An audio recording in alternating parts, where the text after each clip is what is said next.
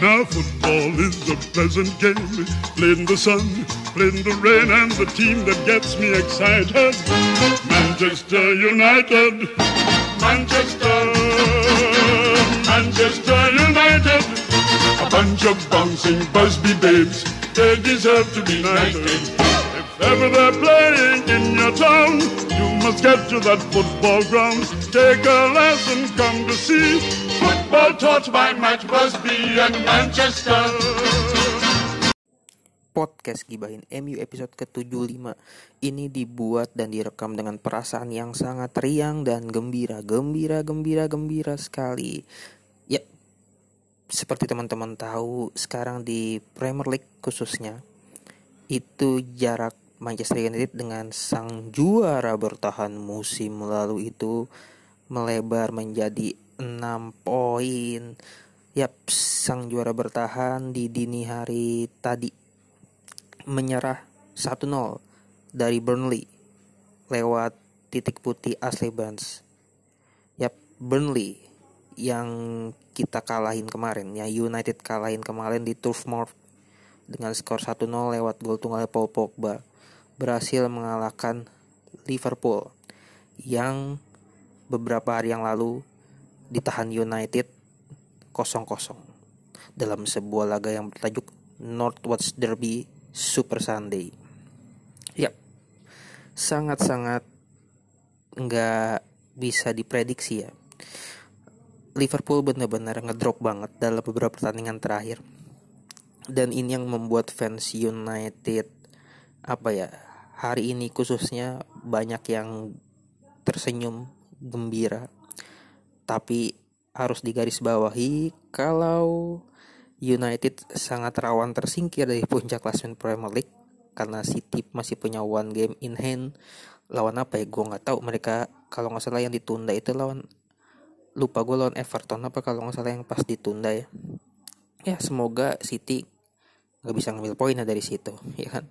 Yep memang Premier League di pekan ini benar-benar membuat kita semua masih bisa bernafas dengan baik, bernafas dengan lega karena MU sekarang masih ada di puncak klasmen setelah sebelumnya sempat direbut sama Leicester City, ya kan mereka menang lawan Chelsea itu sempat ke puncak.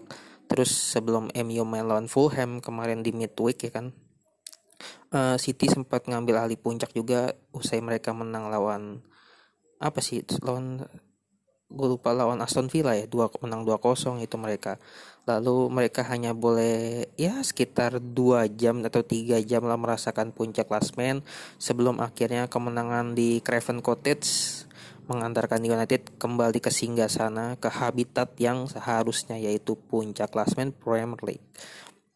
Ya kalau sedikit bahas laga Fulham versus MU gue sendiri nontonnya di babak pertama aja. Babak kedua gue ketiduran jadi gue tidak bisa apa yang ngebahas pertandingan secara keseluruhannya kalau di babak pertama ya ya itu dia tadi lah golnya gol cepat ya si Luk Lukman ya. Lukman itu menit kelima berawal dari passing jauhnya dari backnya Fulham ya kalau nggak salah. Dan sempat berpikir kalau itu offside ternyata tidak. Karena Wan Bisaka ternyata masih ada cukup sejajar dengan si Lukman pas masuk ya satu kosong terus yang ya seperti biasa ya kalau bisa dibilang musim ini MU sering banget kemasukan gol di 10, 15 sampai 20 menit awal tuh. Itu paling rentan banget dan paling sering banget kemasukan gol. Ya lawan Sheffield juga kemasukan gol kayak gitu kan kalau teman-teman ingat pas lawan eh pak iya benar pas lawan Sheffield di kandang Sheffield maksudnya yang Dean Henderson blunder ya kan. Ya itu dia tadi emang rentan banget kalau 15-20 menit itu kebobolan. Meskipun akhirnya si Edison Cavani bikin gol penyama kedudukan di menit ke-21 ya. Angka 21 ini benar-benar lagi happening banget di antara fans MU benar-benar lagi apa ya nyaman-nyamannya dengan dengerin angka di sana-sana. 21 21 21 21 waduh itu udah sering banget kita dengerin dalam beberapa minggu terakhir ini Semoga menjadi kenyataannya di tahun yang juga mempunyai angka itu, angka 21. Ya, terus sebelum golnya si Cavani itu kan memang Fernandes tendangan sempat kena tiang ya kan. terus di babak pertama juga peluangnya cukup banyak ya ada sembilan Harry Maguire yang melenceng tuh melebar terus Fernandes tendangan yang ditepis, ditepis kiper Fulham si Ariel Areloa ya gue lupa namanya siapa Areoloa atau siapa lah itulah.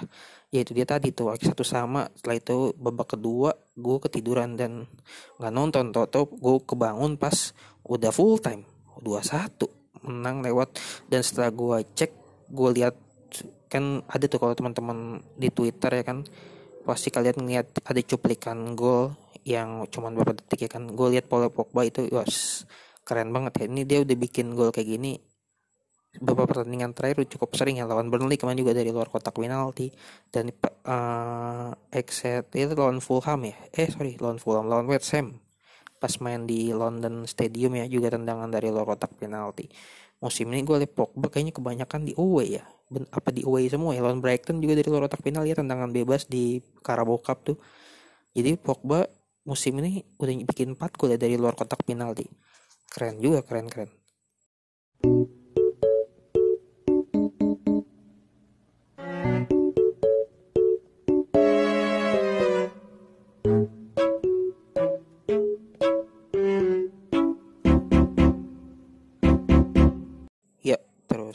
menang 2-1 di puncak klasmen dengan torehan 40 poin cuman berjarak 2 poin aja dari City.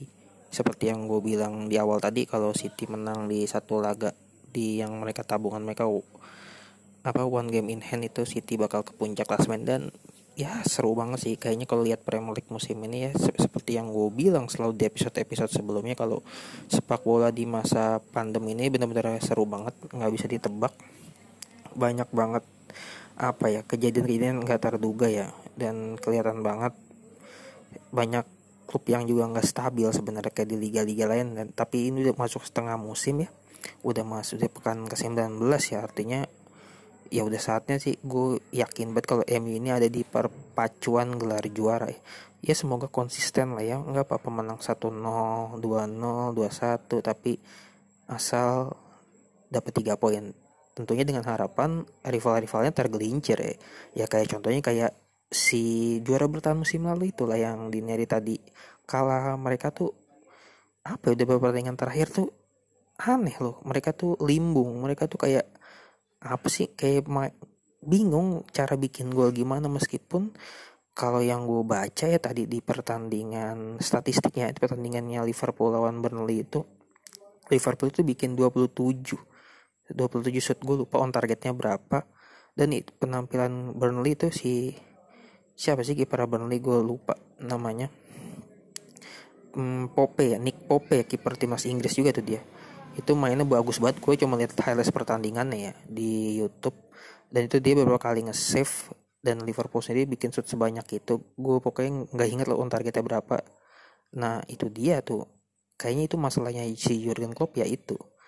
Nggak tahu pemain depannya pada kenapa. Bahkan ada momen di mana gue lihat si siapa Divock Origi ya itu satu lawan satu udah lawan si Pope dan tinggal menceploskannya ternyata bolanya kena Mister itu kan kayak apa ya? Kayak seolah-olah Dewi Fortuna yang musim lalu sangat menaungi Liverpool musim ini sepertinya di tahun ini khususnya ya, mulai menjauh lah mulai menghilang. Dan gue berharap itu sampai akhir musim ya. Ya kalau bisa ya terjun bebas juga nggak apa-apa. Peringkat 10 kayak peringkat 9 ya nggak apa-apa lah ya kan. Ya baru juara kan kemarin namanya juga klub baru juara terus baru juara kemarin juga ya nikmatin lah kan. Statusnya masih juara bertahan. Kalau tahun ini terjun bebas ya nggak apa-apa lah. Ikhlas ikhlas saja karena ya siklus klub kan suka gitu ya klub bola suka naik turun gitu. Apalagi sekarang di masa pandemi ini ya kan. Jadi wis gue seru banget lah nonton bola uh, di musim ini ya. Bagi terus lo kalau lihat Liga Italia contohnya Serie A bagaimana Milan yang konsisten banget bersama Zlatan Ibrahimovicnya dan Inter Milan ada di bawahnya. Jadi di Premier League ada dua Manchester di Serie A ada dua Milan ya yang menguasai singgah sana dan peringkat keduanya. Dua besarnya tuh dihuni dua ini terus kalau di La Liga gue nggak tahu Atletico sama Real Madrid itu ya apa apa ya mereka? Ada di peringkat satu atau dua gue nggak tahu tuh. Jadi kalau mereka ada di peringkat satu dua juga dua Madrid jadi. Jadi Madrid Milan Manchester. Wow. Gokil gokil uh, apa ya terus yang nggak banyak yang bisa dibahas ya dari midweek itu selain pertandingan semalam yang yang nggak gue tonton juga jadi gue nggak bisa inilah banyak ini dan di minggu ini kita bakal menyaksikan kembali Northwoods Derby. Ya MU lawan Liverpool lagi nih jilid kedua. Hanya selang satu minggu kembali ketemu. Bedanya di minggu kemarin kan ketemunya di Anfield main di Premier League. Kalau yang sekarang di Old Trafford di babak keempat putaran eh sorry iya benar putaran keempat Piala FA 2021 uh, sedikit aja nanti bakal gue bahas ya apa yang menarik aja sih yang perlu dibahas aja di episode kali ini.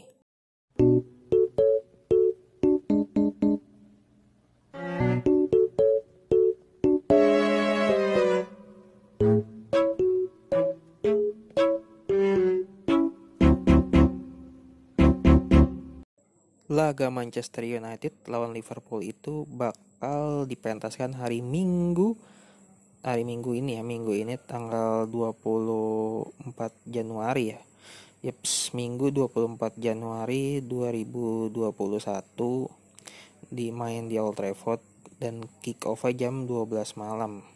Artinya kalau waktu Indonesia itu Senin 25 Januari jam 12 malam ya. 00 waktu Indonesia Barat. Itu teman-teman bisa nonton di Bein Sport. Kalau yang teman-teman ada mungkin aplikasi apa tuh Maxstream ya kan? Atau mungkin yang langganan Bein Connect juga bi bisa nonton lah di Bein Sport 2 atau teman-teman juga bisa uh, nonton di RCTI di TV nonton bola lagi lah di TV terus kalau yang pengen nonton di HP bisa juga di aplikasinya RCTI Plus. Mereka juga nyirin Emilon Liverpool. Tuh tadi gue udah lihat jadwalnya di akunnya BN Sport dan akunnya RCTI mereka bakal nyariin live Northwest Derby Emilon Liverpool. Jadi dalam seminggu terakhir ini televisi Indonesia bakal memanjakan kita uh, dengan apa ya Northwest Derby ya setelah pekan lalu ada Net TV ya kan? Dan sekarang bakal dicariin sama RCTI. Ya, khusus laga di FA Cup ini MU Liverpool sendiri jarang ketemu ya di FA Cup. Terakhir ketemu itu gue lupa tuh. Kalau nggak salah 2011 2012 artinya 2012 ya yang Liverpool menang 2-1 tuh. Yang MU-nya pakai away biru hitam itu. Iya, musim 2011 2012 ya, artinya FA Cup 2012 di mana di kalau nggak salah di putaran ketiganya itu MU ngalahin City 3-2 di Etihad ya kan terus itu dia kalau 2-1 di Anfield main. Kalau terakhir ketemu di Old Trafford ya kalau di FA Cup itu seingat gue itu putaran ketiga atau putaran keempat ya putaran ketiga sih kayaknya di FA Cup 2011 yang MU menang 1-0 tuh yang gol-golin di menit-menit awal menit ketiga atau menit keempat lah gue lupa bikin golnya. Itu Ryan Giggs lewat titik penalti ya usai Dimitar Berbatov dilanggar tuh. Ya kan waktu itu wasitnya Howard Webb gue ingat banget dan MU menang 1-0 udah di pertandingan itu terus lolos ke putaran keempat ya berarti. Itu sih yang gue inget ya kalau ketemu di FA Cup ya. Selebihnya gue ya kayaknya emang gak ada sih. Dalam beberapa musim terakhir kayak jarang banget ketemu di FA Cup ya. Kecuali kalau ketemu di Premier League kan emang tiap musim ya kan. Kalau ketemu di di luar Premier League itu terakhir Emil Liverpool itu kalau nggak salah ya Europa League ya Europa League 2016 itu babak 16 besar ya kan? MU saat itu masih dilatih Van Hal yang MU kalah 2-0 di Anfield lalu satu-satu di Old Trafford ya kan? Kayaknya itu sih terakhir kali MU sama Liverpool ketemu di ajang resmi ya tapi di luar Premier League gitu. Kayaknya Europa League ya selebihnya itu terus ya League Cup juga pernah kan waktu zaman David Moyes tuh di 2013 2014 yang menang 1-0 ya di Old Trafford lewat gol tunggalnya Javier Cicarito ya itu dia sih nggak banyak juga ya berarti MU sama Liverpool dalam beberapa musim terakhir khususnya ketemu di luar apa di luar Premier League ya. Mungkin kalau teman-teman ingat ya ada juga International Champions Champions Cup ya di ajang pramusim itu yang MU dibantai 4-1 tuh sama Liverpool yang pas main di Amerika. Ya itu sih. Kalau teman-teman mungkin ada yang ingat lagi MU Liverpool di luar Premier League ya kapan khususnya di FA Cup lah. Kalau yang gue baca ini di sini kalau MU sama Liverpool rekor di FA Cup-nya maksudnya rekor pertemuan ya itu mereka cuma 13 kali bertemu. Ya kan? Mereka cuma punya 13 kali bertemu sepanjang sejarah di mana MU unggul dengan 9 kemenangan disusul Liverpool dengan empat kemenangan. Wow jauh cukup jauh juga ya. Bedanya lima kemenangan loh. Ya terus terakhir ketemu di final ya final FA Cup. Itu 96 ya berarti ya. Gue juga belum ngerti bola waktu itu ya. Umur gue gitu masih ya umur umur balita berarti. Itu final FA Cup 96 ya yang MU menang lawan Liverpool lewat golnya Eric Cantona. Ya kan yang dia selebrasinya eh gue lupa selebrasinya tuh. Pokoknya itulah menang 1-0 ya. Terus ya itu dia sih kalau di FA Cup ya mungkin yang paling keinget ya itu ya. Di lain-lain gue nggak begitu ingat lah dan juga belum nonton bola ya kalau tahun 90-an ya kan? Dan khusus pertandingan hari Minggu nanti gue feeling gue sih Emi bisa menang ya kalau ngeliat terakhir main di Anfield kemarin kayak gitu. Dan gue juga yakin meskipun ini FA Cup gue yakin sih Jurgen Klopp sama Solskjaer juga nggak bakal nurunin pemain-pemain yang apa ya kasarnya mungkin bisa dibilang lapis kedua ya. Mungkin sebagian adalah pemain lapis kedua tapi tetap ada starting squad utama maksudnya ya starting eleven yang bisa dipakai lah ya. Karena meskipun ini FA Cup ini juga tentang apa ya? Ya lu lu tepat tahu sendiri lah Northwest Derby ya kan. Ini pertandingan besar nggak bisa ya meskipun ajang FA Cup ya tapi ya tetap lah gengsinya di sini pasti ada. Apalagi ketika lu bisa ngeliat rival lo entah di kandang atau saat tandang itu pasti ada punya rasa kepuasan tersendiri. Gue yakin sih kayak gitu. Mungkin pemain macam Bruno tetap bakal main gue yakin. Terus dari Liverpool sendiri Henderson gue yakin bakal main. Salah Mane Firmino juga bakal tetap main. Bahkan gue yakin Alisson Becker juga bakal tetap turun ya di Old Trafford. Karena di sini meskipun FA tapi faktor gengsinya harus dijaga sih kayaknya dan ini sebenarnya MU ini menjamu Liverpool di momen yang pas. Sebenarnya mereka ini lagi limbung. Dalam beberapa laga terakhir itu khususnya di Premier League mereka nggak bisa bikin gol ya kan? Kecuali pengecualian ya di putaran ketiga FA Cup kemarin tuh yang pas mereka menang lawan Aston Villa. Kalau gue nggak salah lawan itu juga lawan Aston Villa Academy ya lawan U17 sih kalau nggak salah ya.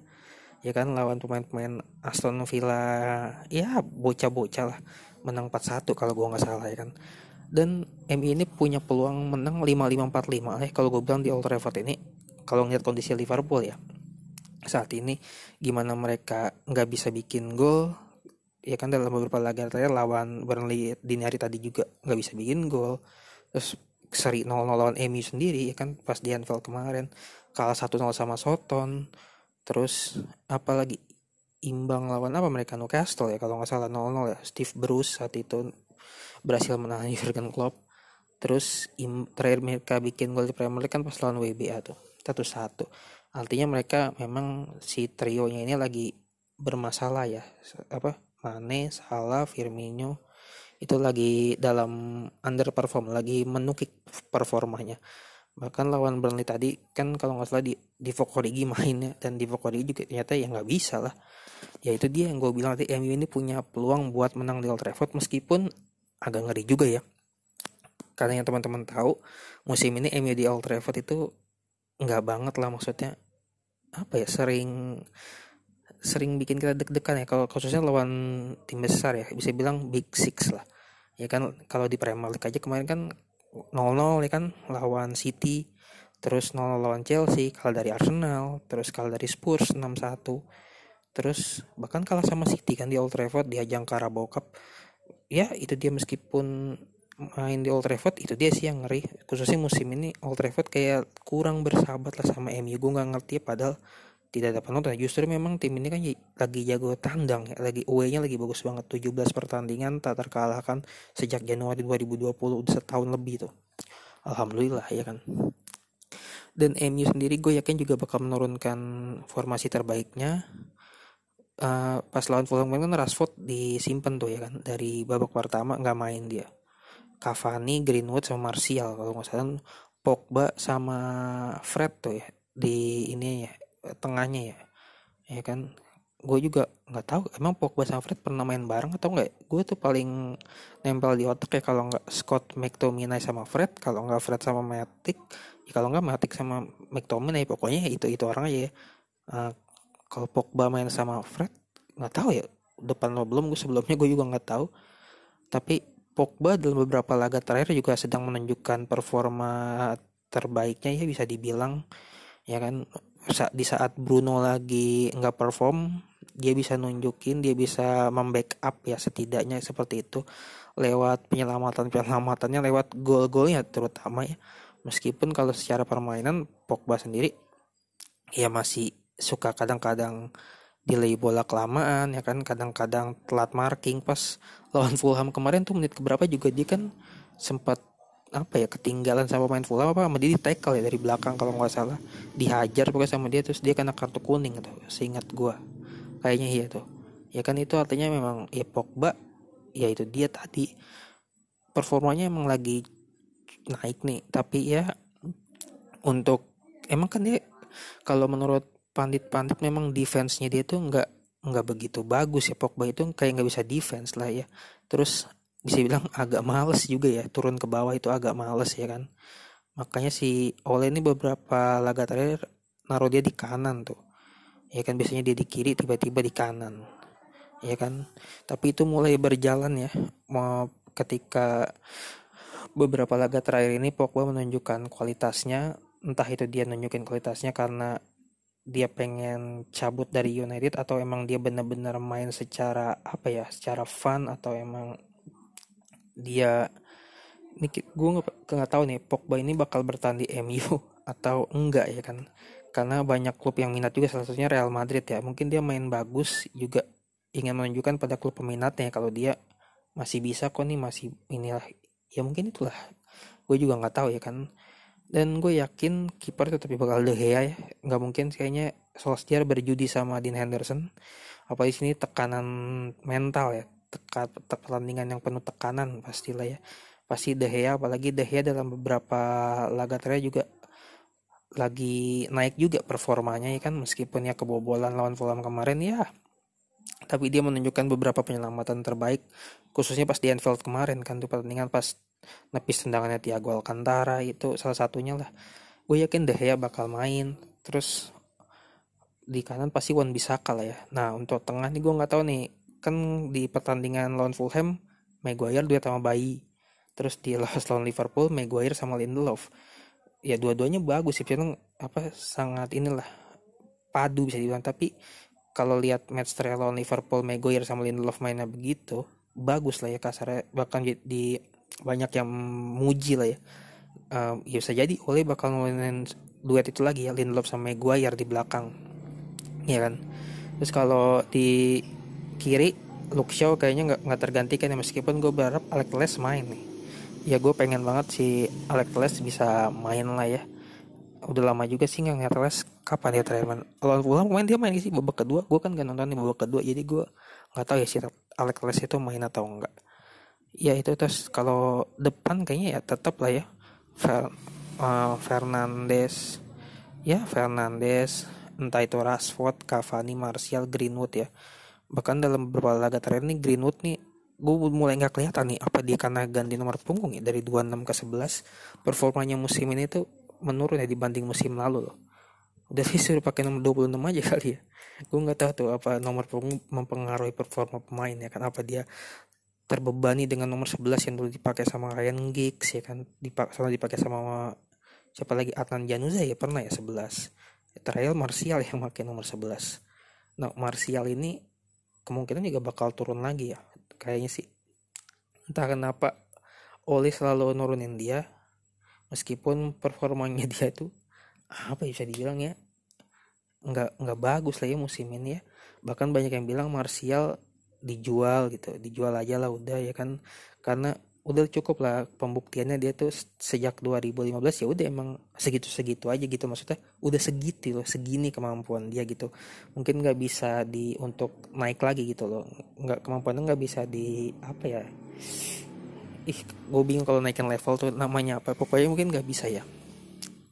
Dan bukan gak mungkin Rashford juga bakal main dari awal. Jadi ini depannya bakal menjadi teka-teki ya bakal menjadi ini Cavani, Rashford, Martial atau Greenwood. Ya gue kembalikan semua kepada Ole lah. Karena gue juga sangat excited sama pertandingan hari Minggu nanti ya di Senin dini hari itu.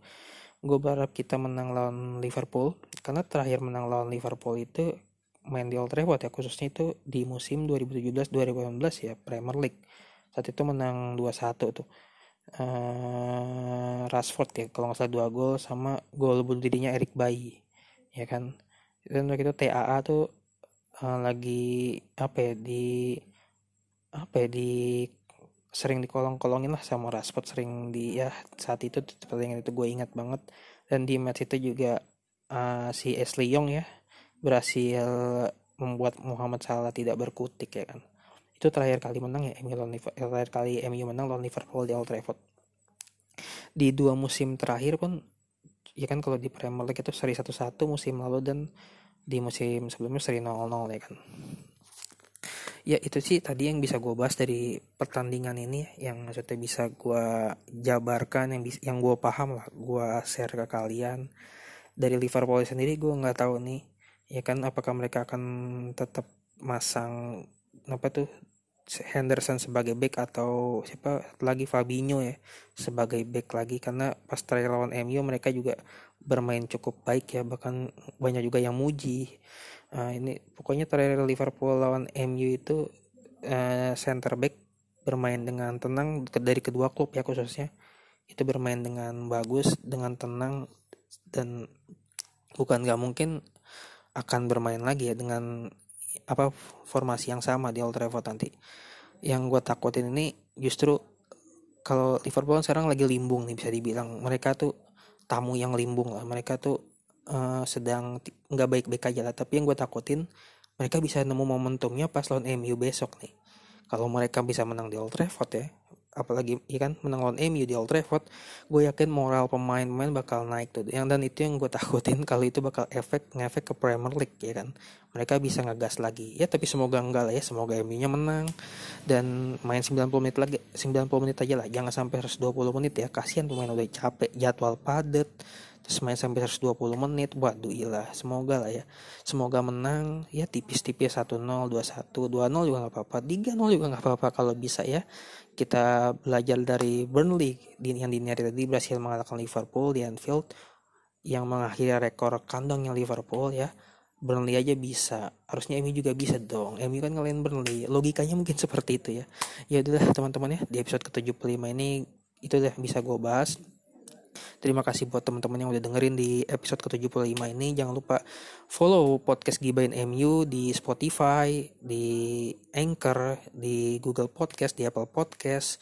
Ya silakan follow biar kalian update untuk episode-episode terbarunya podcast Gibain MU. Oke, sekian dari gue. Sampai ketemu lagi di episode-episode selanjutnya. Bye-bye.